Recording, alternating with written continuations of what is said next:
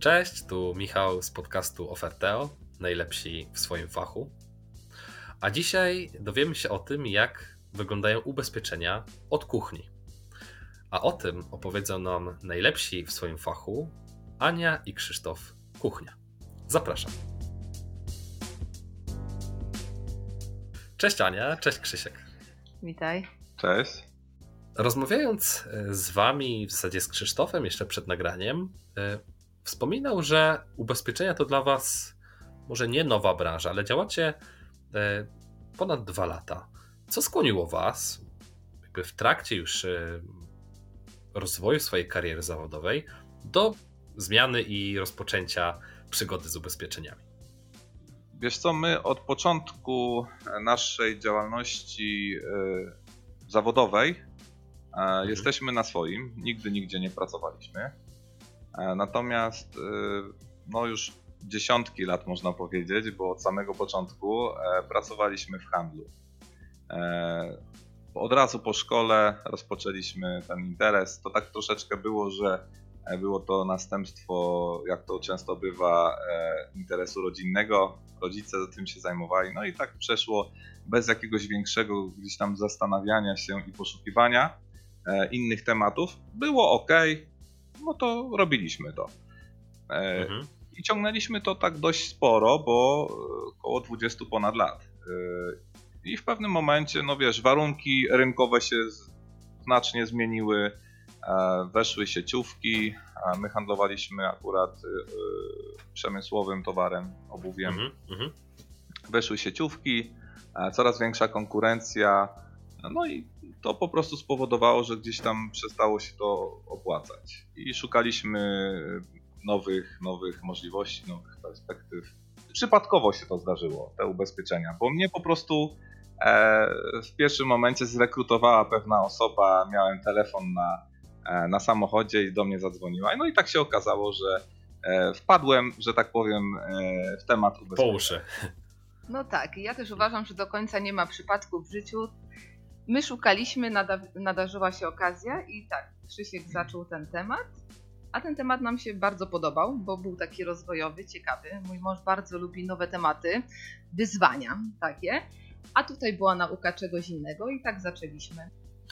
A y, co się zmieniło na rynku ubezpieczeniowym? Bo zaczęliście działać w zasadzie w pandemii.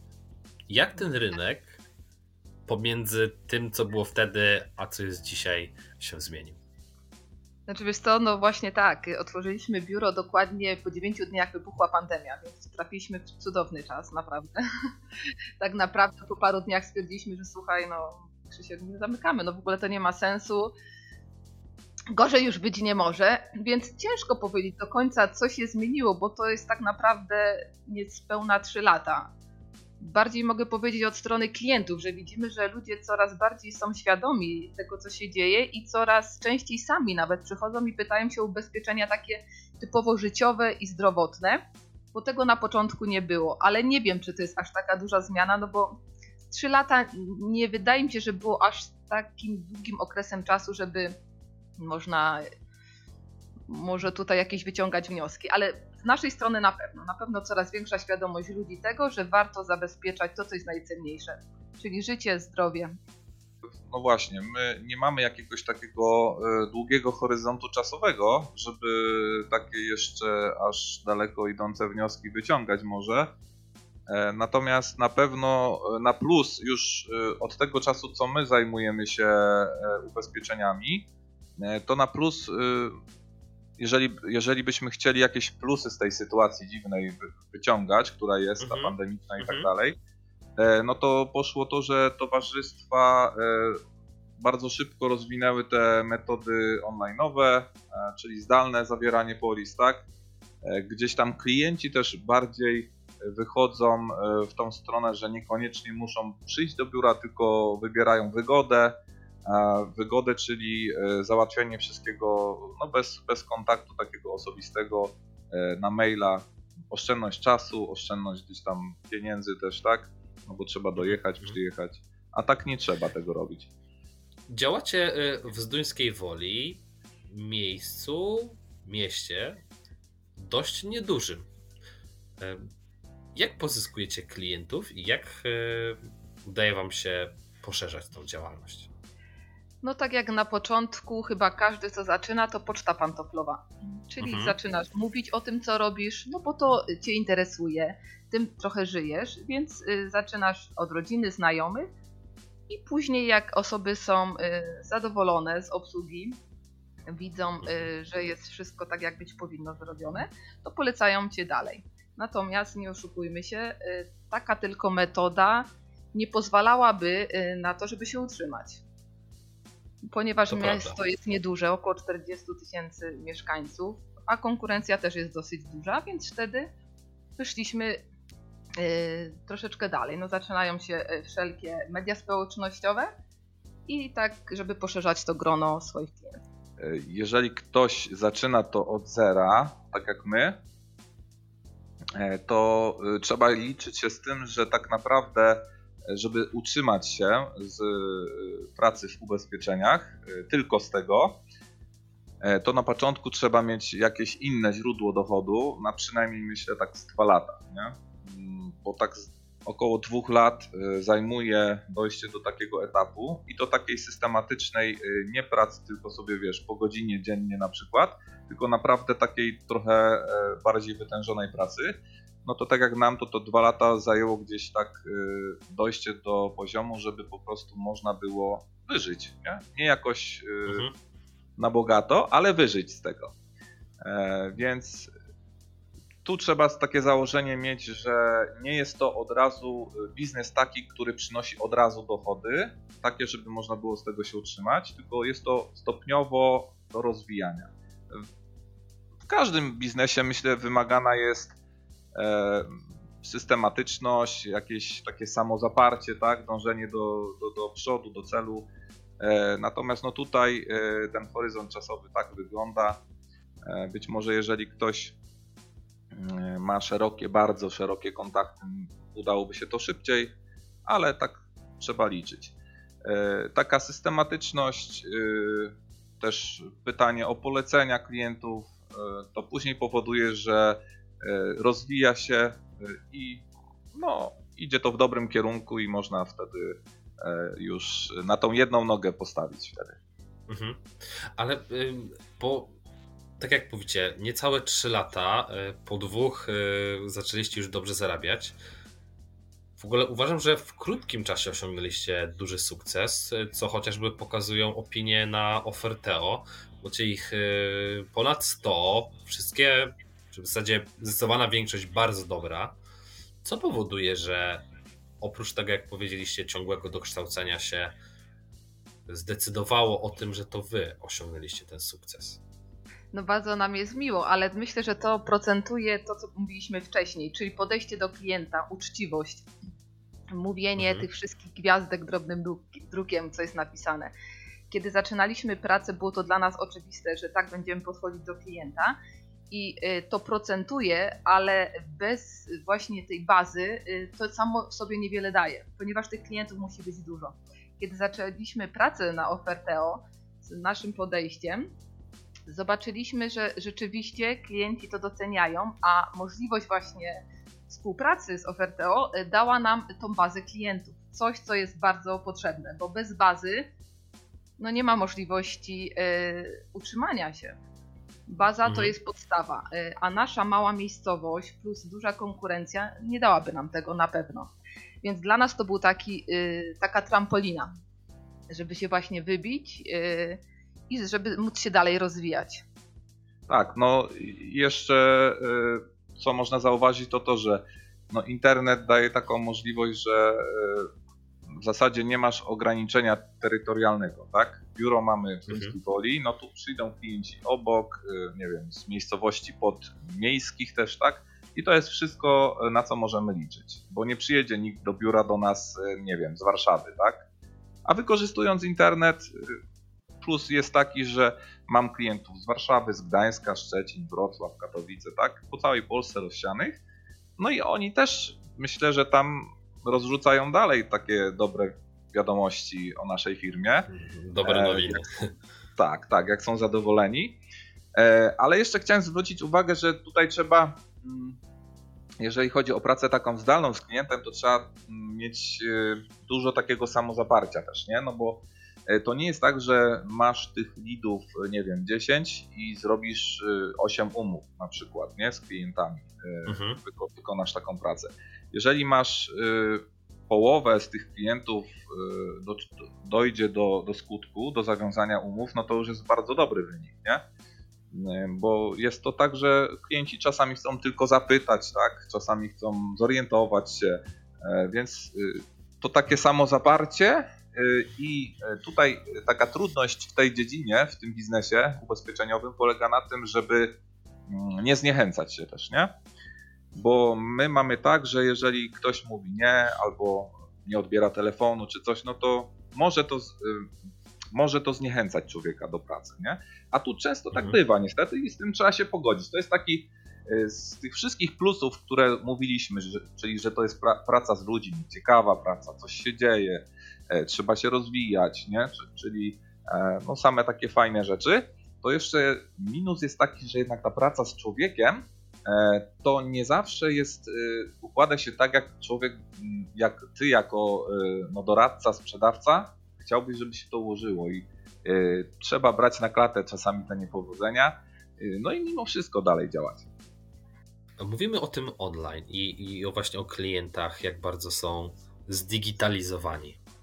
Jak w całej tej waszej układance znalazło się Oferteo? No to też tak było, trochę z przypadku. Po prostu e, pomyśleliśmy o e, wejściu internet, tak mhm. mówiąc. Mhm. I zobaczyliśmy Oferteo. Ja tam zarejestrowałem się na Oferteo. No i to była taka próba, tak? Zobaczę, mhm. co z tego wyjdzie. No i okazało się, że jak to mówią, zatrybiło.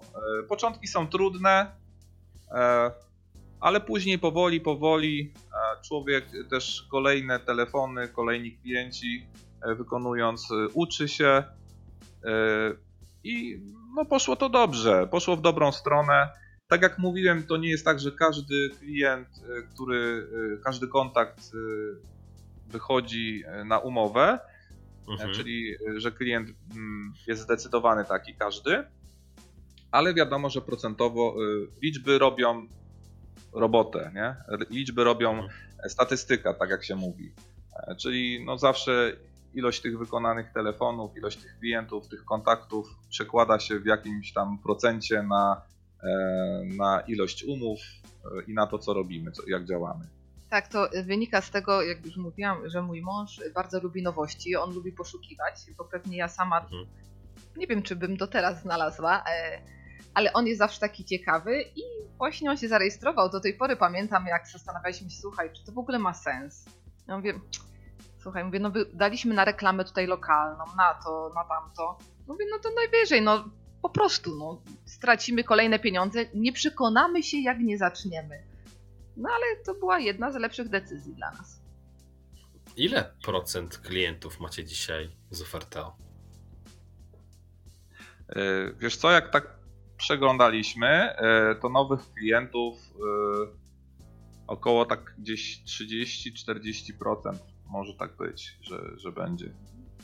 Całkiem w zależności wiadomo od tego, ile mamy pracy, no to bardziej dzwonimy, bo nie zawsze po prostu jest na to czas. Rozumiem. Jeżeli macie jakby e, co robić na swojej bazie, to tak, wtedy no. tych klientów z ofertą jest mniej. Jeżeli ich zaczyna brakować, to wtedy bardziej kierujecie e, Tak, to była taka dokładnie zależność, nie? że na początku było więcej, e, mhm. teraz no też są ci klienci, ale, ale tak jak mówiliśmy, e, te bieżące sprawy, które trzeba obsłużyć już e, no, drugi, trzeci rok, no to już są też wznowienia. E, klienci, ci bieżący klienci, których mamy już w bazie, dzwonią z nowymi tematami. To już jest, to już troszeczkę wtedy takie koło zamachowe się tworzy, ta kula śnieżna. Zaczęło się ta kula śnieżna. E, tak. I po prostu miłe to jest, jak już zaczyna się w ten sposób, że to nie zawsze my tylko do klientów dzwonimy, ale a to dzwoni klient i panie Krzysztofie, bo mam taki temat ataki, coś tam się pojawiło. Albo dzwoni ktoś tam, dzień dobry, pan Krzysztof, tak. no bo ja tu dostałem numer od pana tam, nie, Zbyszka i, i kazał zadzwonić do pana, nie? I coraz więcej takich telefonów jest i to jest miłe, że no, tak naprawdę też częściowo klienci sami nas szukają, ale to właśnie myślę, że przychodzi z czasem w każdym biznesie. E, jeżeli to robimy, staramy się jak najlepiej i robimy to dobrze, to w każdym przychodzi taki moment, że już nie musimy tak naprawdę biegać za klientami, tylko bardziej klienci nas znajdują. Tak, na początku myśleliśmy, że jak my będziemy tak wszystko dobrze robić i tak uczciwie i tak zawsze starać się szukać, to już będzie tak super i fajnie. No nie jest to tak różowo.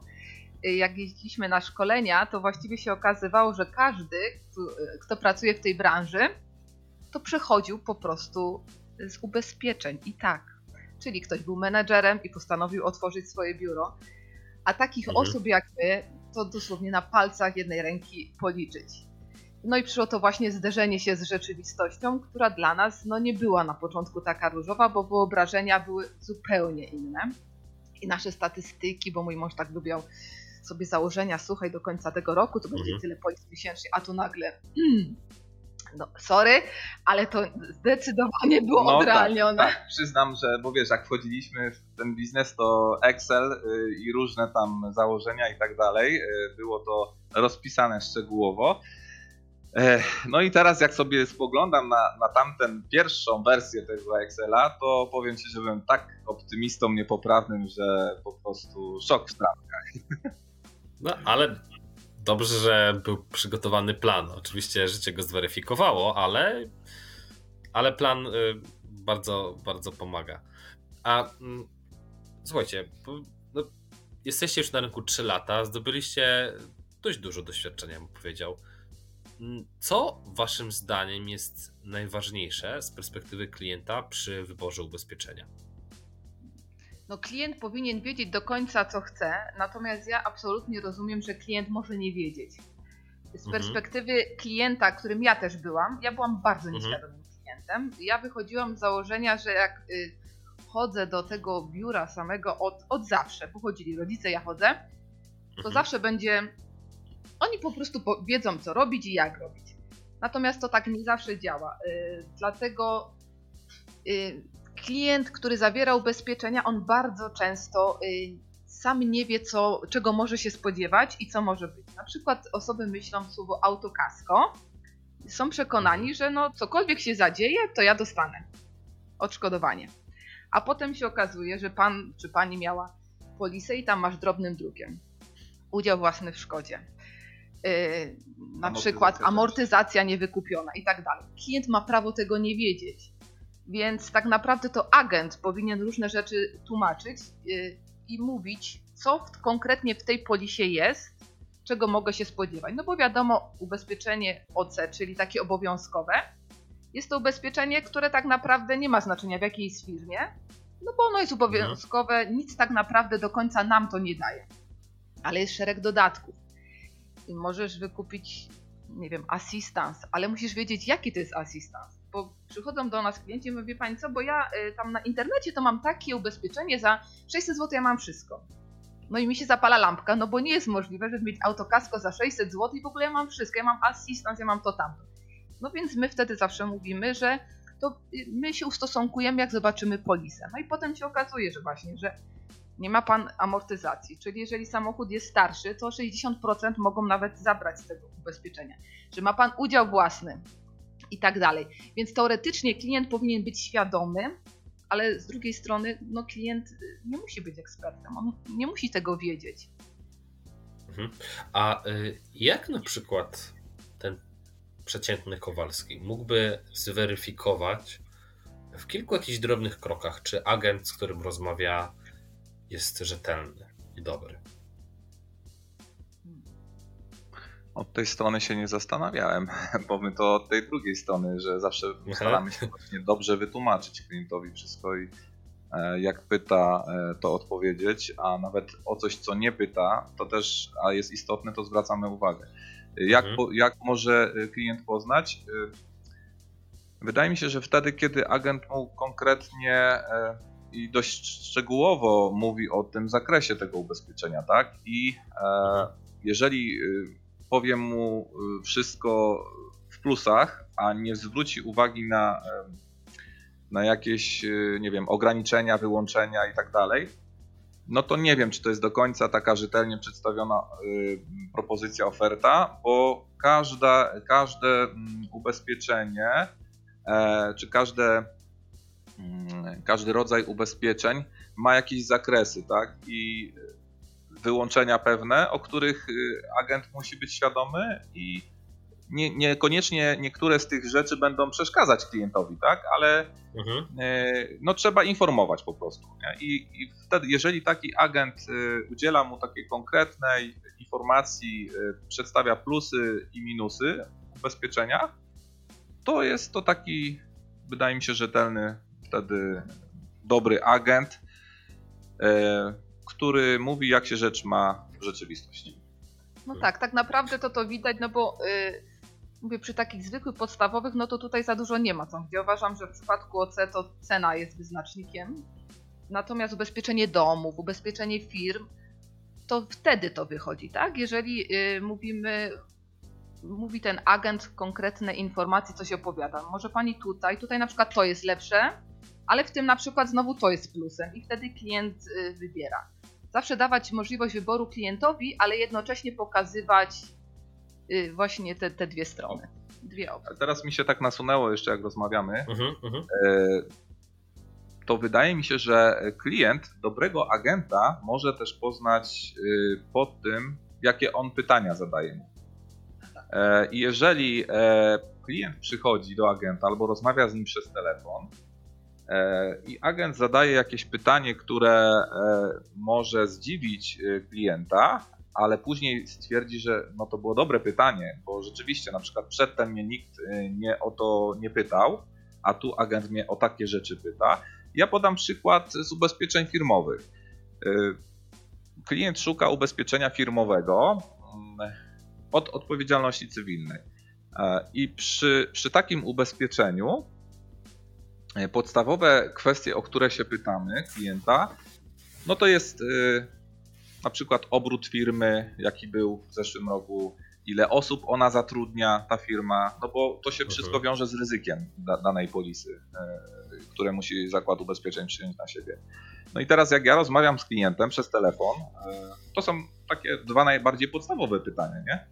E, Mhm, mhm. I jak ja rozmawiam z klientem i pytam go, e, a jakie były obroty firmy w poprzednim roku, lub jeżeli jest nowa firma, to jakie są prognozowane, a klient taki zdziwiony, ale wie pan co, dzwoniły trzy osoby i nikt mi się o to nie pytał. A to jest podstawowa rzecz, o którą należy spytać przy takim ubezpieczeniu. Prawda? Więc teraz pytanie, co, y, co te osoby, ci doradcy wpisywali w pole, gdzie jest do wpisania obrót firmy, albo e, w jaki sposób firma się rozlicza. Niektóre towarzystwa to pytają też o to, nie? Czy, czy tam na ryczałcie, czy Mhm. e, na księdze przychodów i rozchodów. I jeszcze wiele, wiele innych aspektów, e, o które, o, jeżeli klient stwierdzi, o, o to mnie nikt nie pytał, to znaczy, myślę, że to znaczy, że to jest taki właśnie agent, który konkretnie działa. Uważacie, bo tutaj wspominasz Krzysiek, że dzwonisz do klienta i on mówi, że było tych kilku agentów i nikt nie zapytał o podstawowe pytania. Macie poczucie, że jakość sprzedaży ubezpieczeń w Polsce jest niska?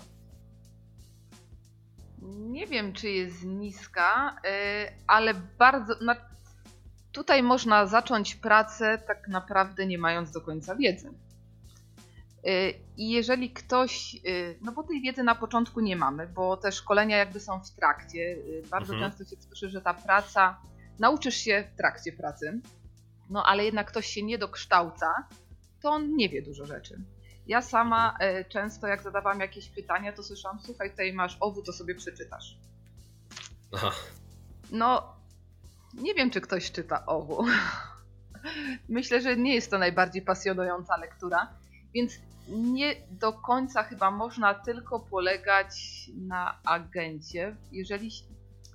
No bo nigdy nie wiesz, jak trafisz, no.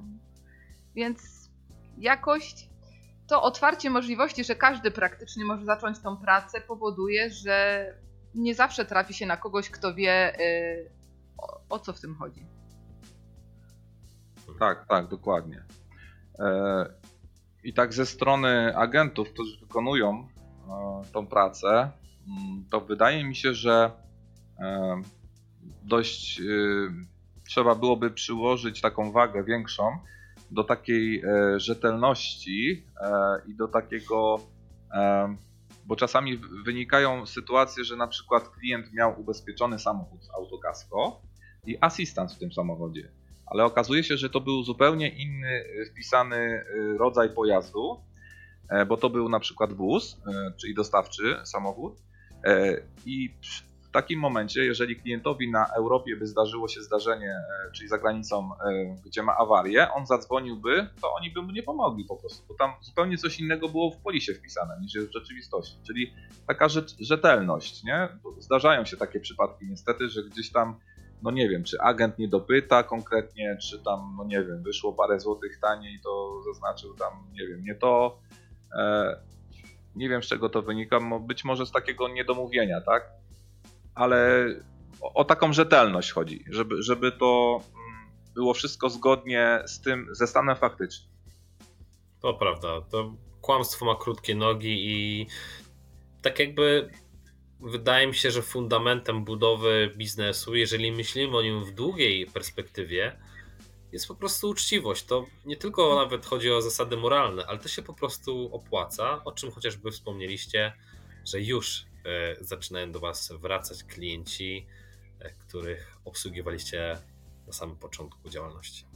Tak, to jest bardzo miłe. E, są też takie miłe telefony, kiedy ktoś dzwoni i mówi, wiesz co, no super, tutaj cieszę się, że to miałem, bo coś tam się zadziało i, i jednak to było zabezpieczenie, a też taki miły telefon, czasami mój mąż odbiera, dzwonię do Pana, bo słyszałem, że Pan jest cudotwórcą. Może nie jesteśmy, ale to są takie miłe, naprawdę. Myślę, że każdy, kiedy widzi, że to, co robisz, ma sens, no dodaje to ci skrzydeł. Przechodząc do takiej naszej y, standardowej części pytań tutaj w podcaście, patrząc na wasze już y, kilkuletnie doświadczenie, gdybyście zaczynali w tej branży jeszcze raz, co byście sobie doradzili? żeby chyba szybciej iść w stronę y, sprzedaży online, w ogóle y, bardziej biznes online. Troszeczkę nam teraz brakuje często czasu, bo jednak rodzina, dwójka dzieci, y, ale zdecydowanie rozwijanie strony na Facebooku, więcej takich działań, więcej działań w stronę online, bo uważam, że to jest przyszłość. No, tak jak Ania mówi, u nas niestety e, cały czas e, myślimy o tym, żeby to ulepszyć. E, nadejdzie ten moment na pewno. E, e media społecznościowe, e, internet, Google, no i też takie portale typu Oferteo, tak, ale z drugiej strony sobie myślę, że jakby za szybko iść, to też do końca nie ma tej wiedzy takiej, więc może z jednej strony dobrze się stało, że najpierw jest troszeczkę nabywanie tej wiedzy, y, wdrażanie się w to, bo może jak gdyby to było za szybko, to jednak nie do końca byłoby to wszystko tak dobrze. Może klienci nie, byli, byli nie byliby aż tak zadowoleni. To cieszymy się, że, że są.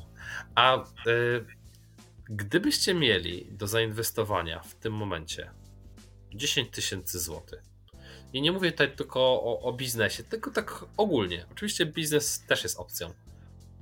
Jak uważacie, że najlepiej spożytkować te pieniądze?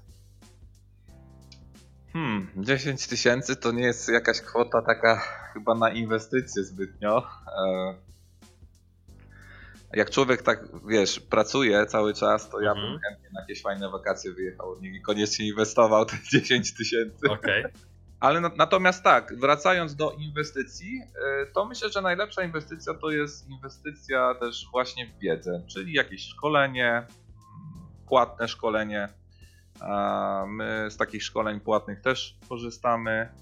I powiem Ci, że, że takie płatne szkolenia, bo wiadomo, dzisiaj mnóstwo wiedzy jest w internecie i gdzie tylko nie mhm. spojrzysz, na, czy to na YouTube, czy na inne e, strony, możesz wszystkiego się dowiedzieć, ale mm, takie płatne szkolenia przewagą ich y, to jest, że, że masz to usystematyzowane, no i wiesz też od kogo się uczysz, tak? Y, więc tutaj nie ma takiego elementu przypadkowości i, i to procentuje. Masz na myśli, bo to też jest, e, szkolenie to jest bardzo szerokie słowo. Mhm. Raczej branżowe, czy bardziej takie ogólnorozwojowe? Wiesz co, y, branżowe, no to w większości, w większości są organizowane też przez, y, przez, y, tak, przez towarzystwa, przez multiagencje, mhm. więc no to kwestia dojazdu na takie szkolenie, jeżeli jest to stacjonarne szkolenie, tak? A, a o tym, co mówisz, to takie właśnie bardziej rozwojowe, na przykład e, jak zdobywać klientów, jak, jak E, sprzedawać, jak e, dobrze sprzedawać też, tak żeby klient był e, dobrze, jego potrzeby dobrze zbadane. No to są takie podstawowe rzeczy, ale dużo, dużo jest takich kwestii, które można ulepszyć, nauczyć się. Ale też uważam, żeby nie popadać w skrajność, bo w tej chwili można szkolić się właściwie non-stop. I jak zakończysz jedno, możesz zacząć drugie, więc Tutaj też mhm. taka równowaga, e, żeby nie popadać w skrajność, bo będziemy się tylko szkolić, ale nie będziemy tego wprowadzać w czyn. To pytanie, po co nam te szkolenia? A tych szkoleń jest całe mnóstwo, całe mnóstwo osób, które e, prężnie w tym działają, więc warto też jednak, jeżeli jesteśmy ukierunkowani na te ubezpieczenia, no to robić szkolenia takie, które nam coś dają. Czyli na przykład jak rozwijać stronę na jakichś mediach społecznościowych, prawda? Y, ale nawet też warto y, zainteresować się często tematami y, takimi, czy na pewno warto mieć działalność na JPG, czy może inną, więc my staramy się cały czas jednak rozwijać, żeby nie stać w miejscu. Mhm. Okej, okay. to Ania, e, pytanie może w takim razie teraz do ciebie. A gdybyś miała milion złotych, w co oprócz szkoleń byś to zainwestowała? no milionem jeszcze nie dysponowałam, wiesz. Ale gdybym tak miała, to chyba bym sobie zainwestowała w jakieś mieszkanie gdzieś, gdzie jest cieple. I bym tam troszkę mieszkała, a troszkę wynajmowała. Okay. O, to tak. Albo w ziemię. Ziemia to jest zawsze dobra inwestycja. To prawda. Y, słuchajcie, a tak na zakończenie podcastu, czego byście sobie życzyli? Tak naprawdę to wiesz, najważniejsze jest, żebyśmy mogli pracować, czyli życzymy sobie i tobie również i wszystkim, którzy słuchają, tak naprawdę zdrowia. to zdrowia. To jest najważniejsze. Bo jeżeli to jest, no to wszystko inne zrobisz. Nie? Jest takie powiedzenie, nie wiem czy to dobrze przytoczę, ale e, że marzymy o wielu rzeczach różnych, mamy różne marzenia, nie? To w mhm. tym sensie szło, że mam, człowiek ma różne marzenia, ale chory człowiek ma tylko jedno: być zdrowym. Nie? Więc jeżeli. wszystko, żeby zdobyć pieniądze, a potem wydajemy pieniądze, żeby zdobyć zdrowie. Też tak, takie słyszałem. Że poświęcamy zdrowie mhm. właśnie, żeby, żeby zarobić te pieniądze, nie? a później na odwrót. Więc jak to zdrowie jest, to jest siła do pracy, jest y, siła do przezwyciężania kolejnych wyzwań. E, ja bym sobie życzył, żeby e, cały czas to do przodu szło, żeby klienci polecali kolejnych klientów. Żeby e, wracali klienci, żeby wracali, byli zadowoleni. Tak, tak. No i żeby, żeby nie było już takich sytuacji jak ten knockdown, nie? No bo to gdzieś tam przeszkadza strasznie. Słuchajcie, to tego wszystkiego Wam życzę. E, zdrowia, bo to prawda, jakie zdrowie, to resztę sobie ogarniemy. Załatwimy, dokładnie ogarniemy klientów, stabilnego rozwoju i Ani jeszcze życzę, żeby miała milion złotych w budżecie domowym do dyspozycji. Dziękuję serdecznie jeszcze raz za e, nagranie. A Was, drodzy słuchacze, zachęcam do lajkowania naszego podcastu na YouTubie i platformach streamingowych. Do zobaczenia.